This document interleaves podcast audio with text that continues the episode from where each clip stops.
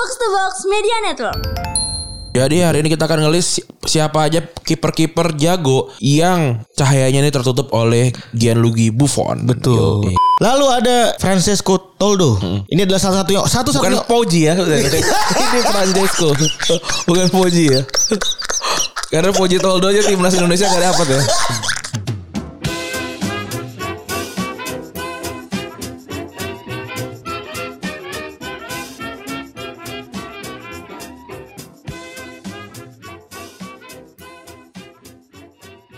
Podcast Retropus episode ke-374 Kembali lagi di episode Rabu Eh, Kita pengen ngelis apa nih hari ini Pep? Hari ini sebenarnya ada ulang tahun Ran. Hmm. So orang kiper yang mana itu dikenal cabi sebenarnya ya. Ya.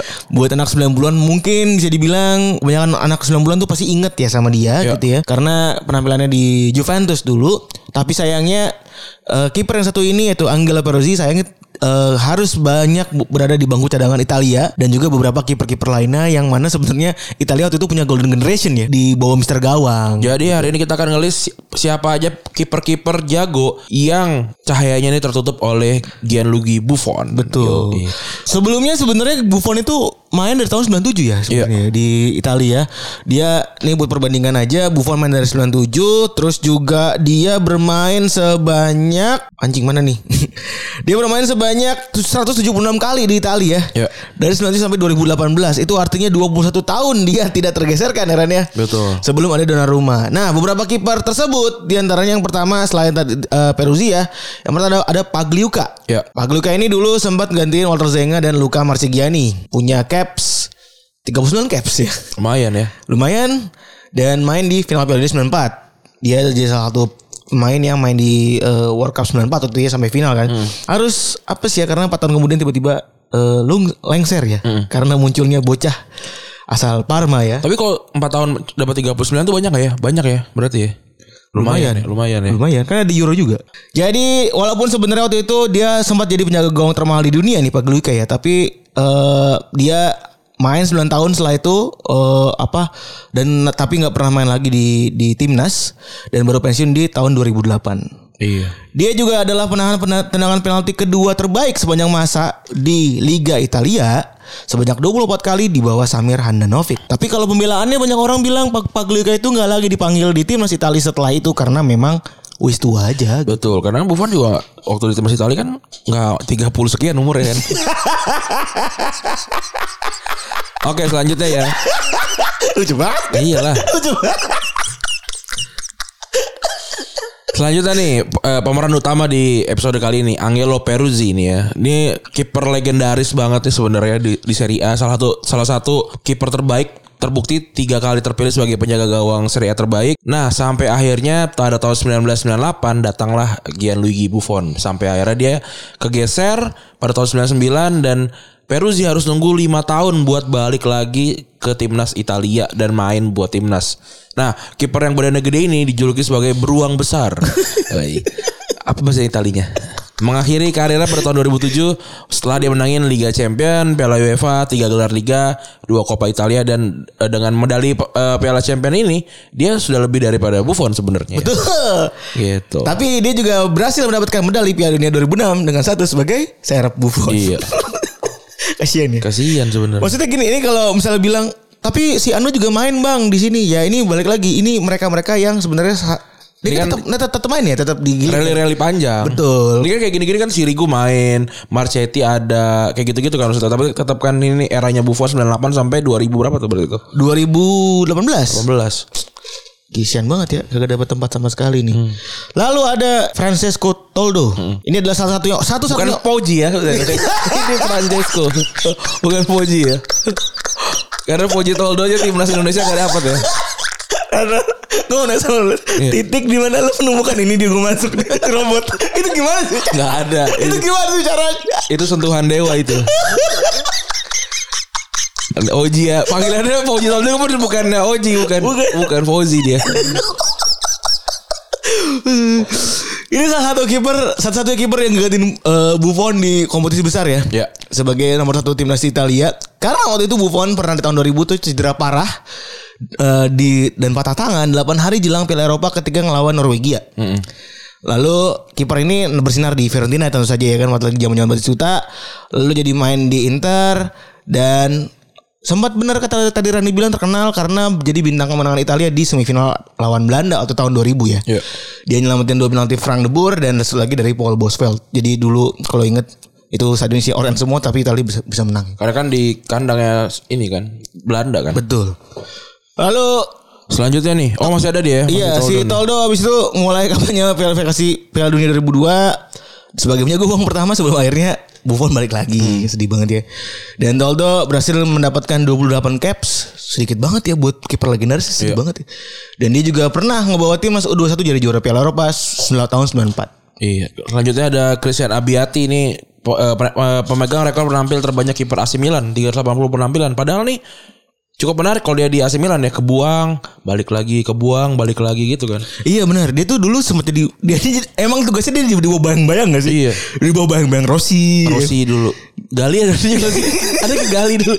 Kiper preman. Kiper kiper AC Milan dulu kan Gali.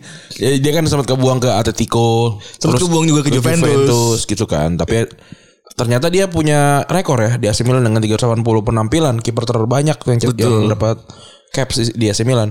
Kemudian eh, dipanggil timnas di Piala Eropa 2000 eh, barengan sama ini ya sama Toldo tadi ya. Dan Piala Dunia 2002 eh, Abiati baru dapat debut sebenarnya di tahun 2003 lawan Swiss. Jadi sebenarnya dia cuma jalan-jalan aja. ya. Enak banget ya. Iya. Tapi sedih sih. Iya sih agak sedih juga dia di, di- dibilang kiper timnas bel- belum gitu ya walaupun udah ikutan kiper. Jadi kalau ada yang ngumpulin panininya tuh dia juga mungkin nggak ini ya. Nggak main juga tuh. Harga panini mungkin paling murah juga. Nah, karir di, di AC Milan walaupun banyak penampilan tadi kayak gue bilang nih cukup eh, roller coaster ya. Sempat pindah ke Juventus, ke Torino, ke Atletico Madrid sampai akhirnya dapat tempat juga di AC Milan walaupun udah akhir karir ya. Dan eh, dengan berbagai macam prestasinya di eh, AC Milan dia dapat Serie A, Coppa, Liga Champions juga sampai inter interkontinental gitu. Walaupun waktu itu belum namanya belum ini ya. Belum- belum CWC, belum. Belum iya Club World Cup ya. Iya. Dan eh, dia tercatat cuma empat kali membela timnas sepanjang karirnya. Sedikit sedikit banget ya. Masake ya. Iya. Ini paling sedikit ya di antara pemain-pemain eh, apa namanya pemain kiper-kiper timnas yang di bawah bayang-bayang Buffon ya. Iya. Yang terakhir ada Sirigu ya. Iya. Ini mungkin digadang-gadang sebagai nextnya Buffon ya. Iya. Tapi mungkin orang bingung kok si anjing nggak pensiun-pensiun gitu. Betul. kok si Buffon nggak pensiun-pensiun. Sama kayak ini kan Totti si De Rossi kan itu kan the next pangeran Roma kan masih pangeran aja tuh di King King. Betul. Jadi habis gabung sama PSG Sirigu nunjukin kalau misalnya Diego dia ini adalah kiper salah kiper berbakat. Iya. Dan dia juga di sana eh, ngebantu PSG dapat tiga gelar liga berturut-turut. Dan dia itu cuma punya 24 caps dan tampil eh, baik dalam kemenangan Italia di lawan Inggris ya ketika Piala Dunia 2014 ya waktu itu ya. Benar. Waktu itu eh, si Buffon katanya nggak fit. Jadi sayangnya ketika si Buffon pensiun 2017 justru jadi gue udah nungguin nih. Iya. Dan dia, dia Sergio juga udah turun sebenarnya. udah nungguin disalip sama Donnarumma. Sama Donnarumma dan Donnarumma juga akan bertahan selama berapa tahun? 20 tahun mungkin. Kayak the next Buffon lagi ya kasusnya. Iya. ya. Karena ya- ini kan kiper Italia kan memang kualitasnya kan beda lah gitu dari dari kiper negara lain ya. ini kalau disamakan bisa nggak kita samakan sama kiper-kiper dari Spanyolan Kiper-kiper dari Spanyol tuh yang mana tertutup sama Casillas. Iya bisa aja sebenarnya ya, tapi nggak nggak selama eh, inilah Buffon ya sebenarnya. Kan kasih eh, walaupun di tiap turnamen pasti kasih lah kipernya sih. Hmm. Gitu. Ya, sebenarnya kiper kan memang umurnya yang paling panjang kan. Tapi kalau dan kiper tuh kan dibilang sebagai posisi yang paling eh, ini kan Berarti paling kalau sepi. kalau umurnya paling pada pendek gak diucapin berarti ya. Apa? Pas lagi ulang tahun gak didoain berarti. iya kasihan ya. iya paling sepi bener. Iya kan, Udah kip- paling sepi jadi cadangan anjing. Iya, kiper ketiga tuh udah kalau tapi kalau gue pribadi kalau gue sebagai orang malas gue mau kiper ketiga ya. iya kan. Gue lupa sih, gue lupa siapa yang per- iya siapa yang pernah diwawancara ya Jamal Blackman kalau nggak salah waktu dia di masih di Chelsea kalau nggak salah ada cerita ada cerita itu dia kan kan dia di, di bawahnya di bawahnya Peter Cech waktu itu sama satu Kudicini, lagi apa? bukan bukan Kudicini Hilario. Hilario ya ya, ya gue lupa lah ceritanya dan Hilario juga juga sempat cerita tuh Iya. yang dia yang dia naik pakai nomor 40 terus soalnya langsung Barcelona dan dia menang kan. Nanti lah kita mungkin akan cerita kisah-kisah kiper ketiga ya gitu ya bisa bisa jadi bisa jadi cerita juga gitu.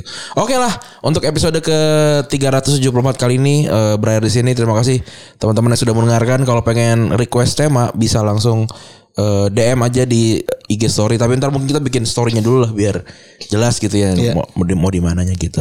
Oke jangan lupa untuk eh, apa namanya tuh ngirim eh ngirim apa nge-share nge-share kalau udah habis dengerin kan kali aja ada pendengar baru yang mendengarkan. Sekarang udah banyak ya yang nge-share lagi ya. Udah, udah banyak. Dan ini ya, tolong Dede kalau udah di-share jangan repost lagi lah.